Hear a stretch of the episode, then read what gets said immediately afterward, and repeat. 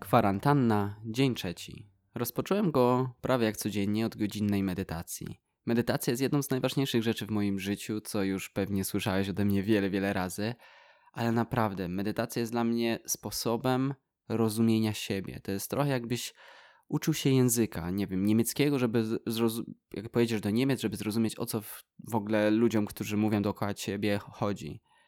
I ucząc się języka świadomości, obserwowania swojego ciała, zaczynamy rozumieć siebie. Dokładnie tak, byśmy poznali jakiś język. Zaczynamy rozumieć, skąd pochodzą emocje, o co mi chodzi. I potem po medytacji miałem e, psychoterapię. Pierwszy raz to była psychoterapia przez Skype. I przede wszystkim różnica, którą zauważyłem, to jest to, że tym razem odpowiedzialność za przestrzeń była po mojej stronie. Co to oznacza? Że gdy idę do terapeuty, Zazwyczaj to rola terapeuty jest taka, żeby przygotował to miejsce, żeby było cicho, bezpiecznie, żeby nikt mnie nie słyszał, co mówię. No jednak jak to w domu robimy, to odpowiedzialność jest po naszej stronie. Zaniedbałem to. Przez pierwsze 15 minut czułem, że nie potrafię się otworzyć, że szukam odpowiedzi w sobie i, nie potrafię ich usłyszeć. Uświadomiłem sobie, że po pierwsze mam drzwi otwarte, że moja pozycja do siedzenia wcale nie jest taka wygodna. Po prostu trochę potraktowałem to jak e, zwykłą rozmowę z kolegą, raz, dwa, tak po prostu pogadać i, i tyle. A proces terapeutyczny jest czymś innym, czymś głębszym, czymś, co okazało się dla mnie niesamowicie istotne i myślę, że dużo w moim życiu zmienia pomaga mi naprawdę budować relacje, bo jeden z powodów, dlaczego rozpocząłem terapię, było budowanie długotrwałych relacji.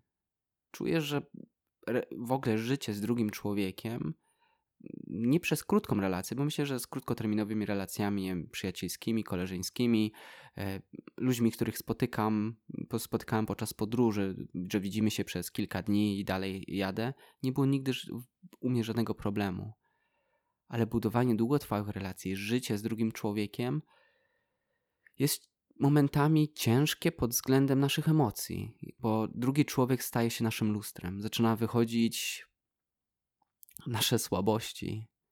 Już nie jesteśmy tak idealni, możemy się przejrzeć w sobie i, i czasami potrzebujemy się nauczyć, nauczyć się rozumieć inną perspektywę tego, że ten drugi człowiek może myśleć zupełnie inaczej. I, ale ważniejsze zrozumienie jest takie, że czasami postrzega, postrzeganie drugiego człowieka jest uwarunkowane tym, co przeżyliśmy, jak byliśmy młodzi, czy w poprzednim życiu, jeśli wierzysz. I terapia pomaga to trochę zauważyć, bo widzę, że mam dwa typy widzenia. Jedno widzenie to jest czystej świadomości. To jest coś, co rozwija medytacja że potrafi się człowiek zdystansować, mieć, wejść w tą, poczuć się wolnym, poczuć się, że tak naprawdę nikt cię nie może zranić, że jesteś nieśmiertelny, że nie ma ciebie, ja, takiego jakim jesteś, że myślisz, że jesteś. To jest stan, w którym po prostu można być zawsze, czy to w chorobie, czy to w cierpieniu, w lęku, nie ma to żadnego znaczenia. I medytacja to rozwija. Najpierw pozwala to doświadczyć, a potem czasami to jest skok i już w tym jesteś. Jednak zauważyłem też i wierzę to, że będąc na tym świecie, mając to ciało, mając ręce, nogi, mamy też nasze ja, nasze małe wewnętrzne dziecko, nasze ego, jakkolwiek to nazwiemy. To jest, to jest część naszego życia. I tak samo jak obserwuję swoje emocje, obserwuję swoje myśli, doznania, które się pojawiają, dźwięki, które do mnie przychodzą, tak samo doświadczam swojego ja. A moje ja, czyli mój mały Danielek, e, ma wiele historii. Wiele rzeczy mu się wydarzyło, niektórzy go zranili, niekiedy przez to, że był dzieckiem, nie rozumiał wielu rzeczy i brał odpowiedzialność w sytuacjach, kiedy na dziecko nie powinno być takiej odpowiedzialności. Jednak dziecko tego nie wie. Jako ja, dorosły Daniel, już to wiem. Dlatego potrzebuję wejść czasami moją rolę dziecka, którą kiedyś, którym byłem, przypomnieć sobie jeszcze raz tą samą sytuację i uświadomić sobie, że moje myślenie w tamtym czasie nie jest mi pomocne i mogę już to po prostu zostawić. Mogę już tak nie myśleć, że mogę zmienić po prostu perspektywy widzenia. Myślę, że będzie chwila, kiedy podzielę się z Tobą większymi szczegółami. E, ta sesja, którą teraz miałem przez Skype, e, była głównie na temat własnej autonomii podczas relacji. Bo widzę, że mam, moja psychoterapeutka dała super metaforę e, jabłka i polegało to na tym, czyli mój sposób myślenia polega na tym, że znajduję przepiękną jabłoń, zrywam jabłko i okazuje się, że to jest jabłko przepyszne dla mnie, że jest słodkie, soczyste, dokładnie takie jabłko jak lubię. I daję te jabłko mojej partnerce czy osobom, z którą buduję długotrwałą relację. Ta osoba gryzie i mówi, mmm, jakie to kwaśnie, nie smakuje mi to jabłko. Co ja robię? Ja nie kontynuuję jedzenia tego jabłka, tylko wyrzucam i mówię, dobrze, to chodźmy szukać jabłka, które będzie tobie też smakować. I czasami ja potrafię zrezygnować z czegoś, aby tej osobie było po prostu lepiej. Mogę, możemy znaleźć jabłoń, gdzie ona znajdzie słodkie jabłka, dla mnie będą one kwaśne, niedobre, ale powiem, a dobra, niech tak będzie. Prawda jest taka, że nigdy się nie znajdzie jabłka, które będzie nam obu smakować. Jednak musimy pozwalać też sobie, ja muszę sobie też pozwalać na to, żeby nie zatracać siebie w relacjach, bo ja wiem, że lubię pomagać, lubię trochę dawać siebie, kawałek po kawałku, bo czuję dzięki temu siłę, dzięki temu czuję się pomocny. Dla mnie bardzo istotne jest czuć się użyteczny na tym świecie, być pomocnym, być, być przy kimś i dodatkowo daje mi to siłę, daje mi poczucie mocy, sprawczości. Nienawidzę bezsilności. Dodatkowo daje mi to też y, poczucie winy, kiedy nie pomagam, kiedy myślę tylko o sobie. Więc widzę, że mam jeszcze trochę do przepracowania i przez to, że tak, tak tworzę te relacje, to zazwyczaj od nich po prostu długotrwałych relacji uciekam. To jest mój mechanizm obronny. I w momencie, kiedy to się podzieje, a ja nie jestem tego świadomy, to po prostu tak mogę działać przez wszystkie moje relacje. Przez każdej relacji mogę uciekać. Dlatego terapia jest istotna, bo jest to taka osoba, która towarzyszy ci inaczej. Podczas medytacji można zrobić coś takiego jak medytacja analityczna. One głównie pochodzą z buddyzmu tybetańskiego i są to, można powiedzieć, medytacje terapeutyczne. Wchodzimy w różnego rodzaju emocje, mamy medytację na przykład śmierci, kiedy wyobrażamy sobie, że umieramy. Mamy medytację współczucia, wybaczenia. Wiele medytacji, które też są, one są zazwyczaj terapeutyczne, a nie uczą samej medytacji w sobie. I są pomocne. Jednak zauważyłem, że są we mnie emocje z przeszłości, których, których czuję jakiś opór, żeby w nie wejść. Boję się zobaczyć tego, co się wydarzyło, bo boję się przeżyć to jeszcze raz. Ten ogromny ból, który wtedy pojawił się w tym dziecku, które cierpiało i może nawet nie chciało przeżyć tych emocji. I dlaczego teraz miałbym potrafić to przeżyć?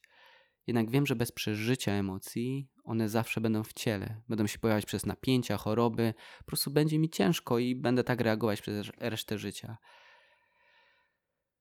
Dlatego terapia jest była dla mnie. Wiedziałam, że mi może pomóc, bo wyobrażałam sobie, że to jest takie coś, że idę do kogoś i ta osoba mówi: Słuchaj, Daniel, biorę cię za rękę i idzie, wchodzimy w to razem. Nie jesteś sam, możesz czuć się bezpiecznie. Jestem w razie czego tu przy tobie. I to jest fajne, bo terapeuta nie tylko trzyma cię za rękę, ale czasami pokazuje ci też drogę do tego, do, do tych drzwi, do których udawałeś, że ich tam nie ma. Ale one tam zawsze były i trzeba przez nie przejść.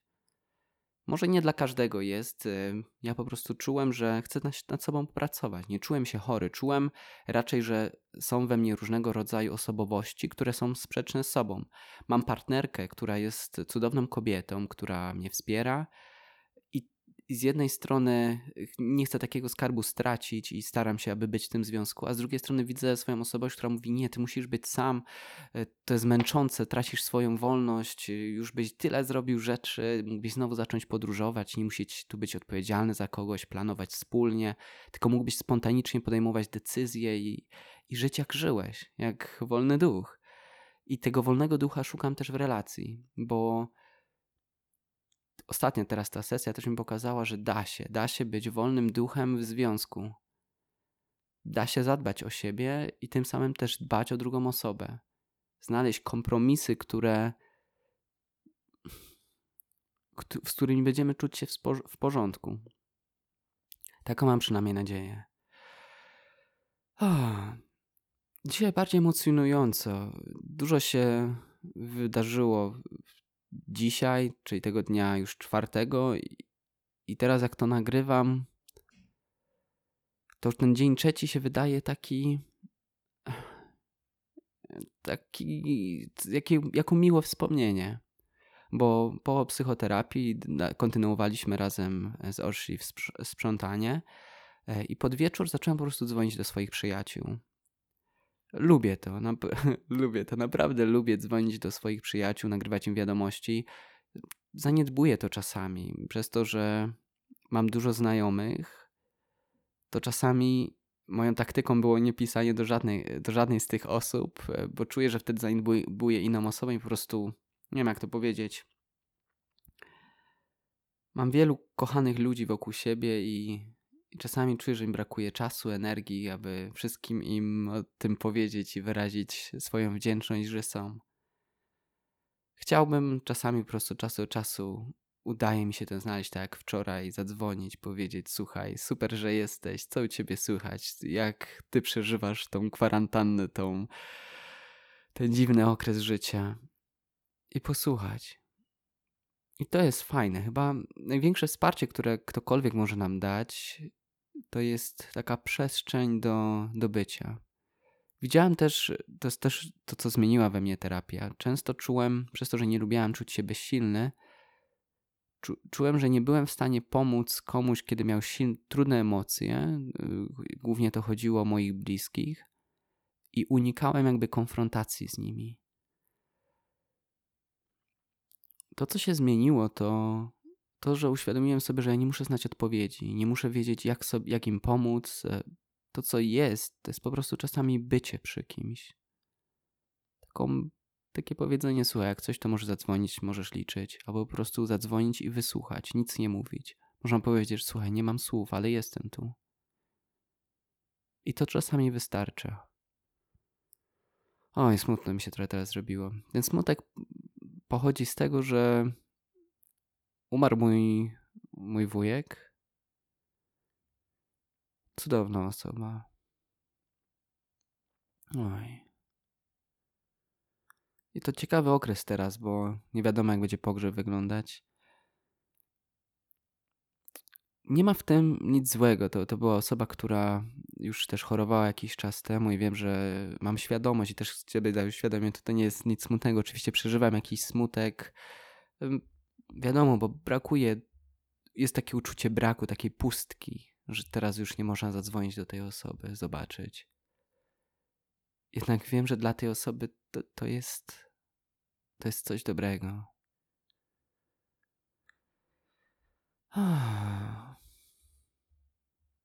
Śmierć jest czymś, co naprawdę budzi ludzi.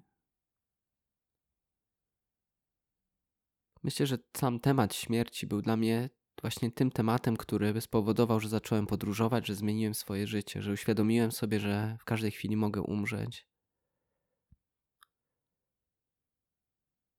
I. I cóż.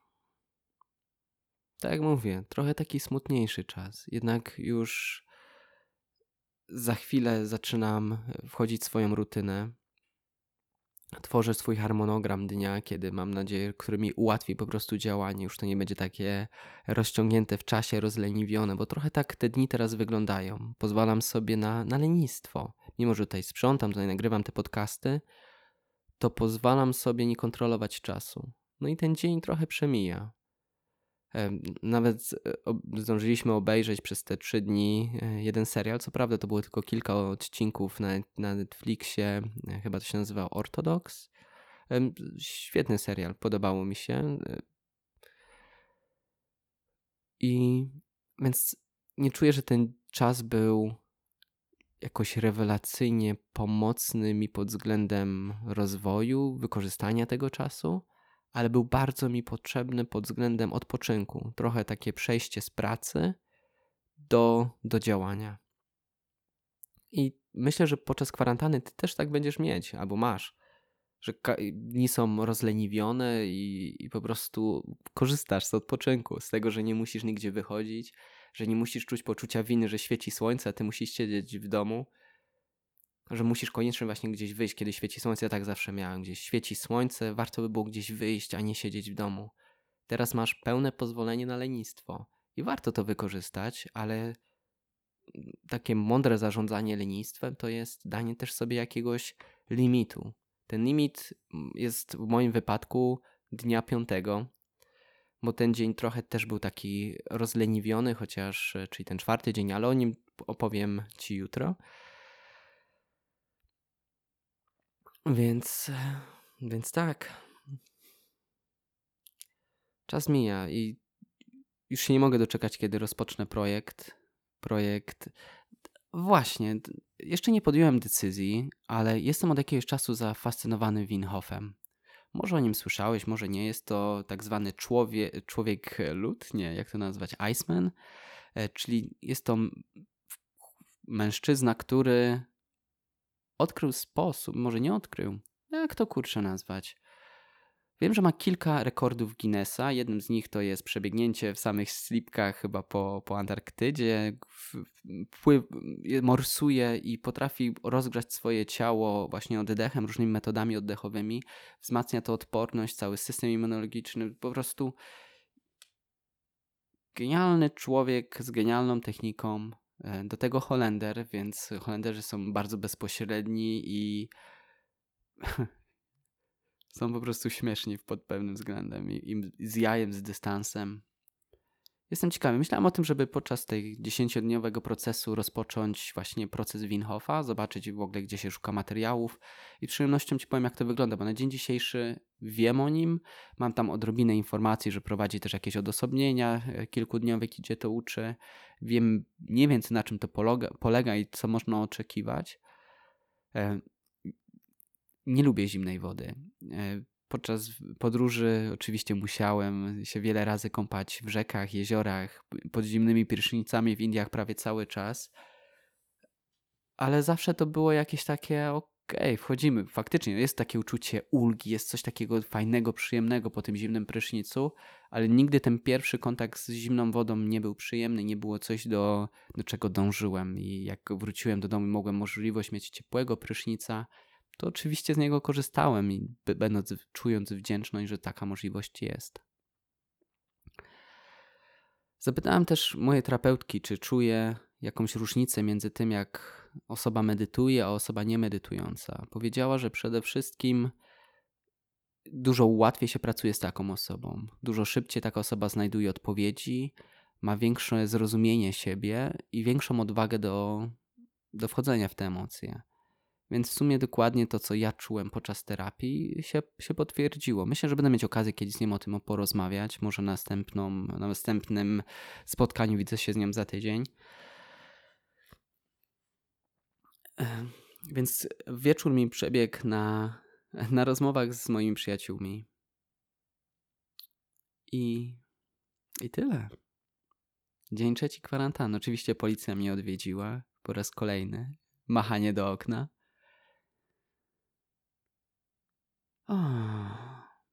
No dobrze jest to nagrywać. Czuję, że mi to pomaga. Czuję, że mogę się teraz otworzyć, trochę sobie podsumować. Tak mówię, pojawiła się ta smutna informacja z tą śmiercią. Trochę mniej teraz o tym mówię, bo, bo czujesz jakiś smutek w sobie. Ja nie chcę się z tobą dzielić smutkiem. Chcę, chcę raczej ci pokazać, że są możliwości korzyści z tej kwarantanny,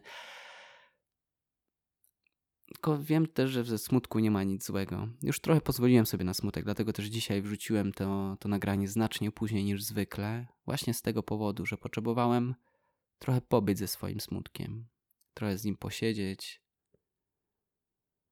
I zauważ, że powiedziałem ci o tym w momencie, kiedy mówiłem o byciu w przestrzeni.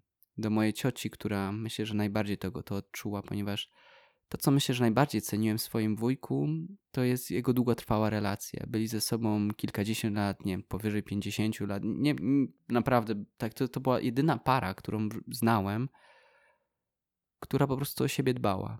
To była śmieszna relacja, bo moja ciocia zawsze krzyczała na mojego wujka, ale tak z miłością. Nie jechali samochodem, gdzie skręcił, to skrzy- mówił, o ty głupku, jak ty mogłeś tak pojechać? On nigdy nie reagował, uśmiechał się, wiedział, że, że go kocha i kocha, moja ciocia go kocha, kochała e, ponad życie. Zawsze mówię mój Maciuś, mój Maciuś. Piękna relacja i i długo odwlekałem, żeby zadzwonić do mojej cioci, bo nie wiedziałem, że nie wiedziałem, co mogę powiedzieć. Kondolencje? No, nie rozumiem kondolencji, przyznam ci, ci się szczerze. O co w tym w ogóle chodzi? że śle kondolencje, no, śle, rozumie, śle, śle, wysyłać mi jakąś miłość, wdzięczność, tak, podczas medytacji mety, ale kondolencje, co to w ogóle oznacza? Jakieś może moje niedorozwinięcie. Więc dopiero kilka dni później, znaczy kilka dni później, dwa dni później, e, mogłem zadzwonić, czyli dzisiaj. I przyznam szczerze, prawie nic nie mówiłem. Po prostu byłem, odczuwałem jej smutek, odczuwałem swój smutek. Po prostu byliśmy, to jest chyba. Te dzielenie się, bycie dla kogoś to jest dzielenie się smutkiem. Tego, że ten smutek już nie jest dla ciebie. Po prostu coś ci się wydarzyło smutnego. Nie wiem, nie zdałeś się, mm, straciłeś partnerkę, zerwaliście, czy, czy ktoś bliski ci umarł. To jak, jak nie masz nikogo, to ten cały ciężar jest na tobie. A jak jest ktoś bliski, czy, czy jakiś przyjaciel, do, który, który do ciebie zadzwoni, który do ciebie przyjdzie, to mimo, że może nic nie powie, ale będzie przy tobie, uroni też łzę, to ten ciężar jest już dzielony na te dwie osoby. I chyba to jest największy skarb posiadania takich ludzi. To, co ci mogę dzisiaj jakby zachęcić do czegoś, napisz do kogokolwiek dziękuję, że jesteś. Do kogo naprawdę czujesz tą wdzięczność. To jest istotne, żeby ci ludzie wiedzieli, że że dla kogoś żyją, że jest ktoś, kto naprawdę cieszy się, że są. Ja dziękuję moim przyjaciołom za to.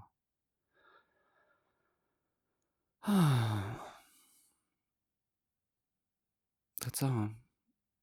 Szykujemy się na kolejny dzień. Nie ma tego jak rozchodzić. to jest to, że czasami się ucieka od emocji. Myślę, że psychoterapia też mi dała to, że medytacja wielu, niektóre z technik medytacyjnych, które praktykowały, spowodowały to, że potrafiłem mm, wyprzeć swoje emocje, pozwolić sobie na ich nieprzeżywanie.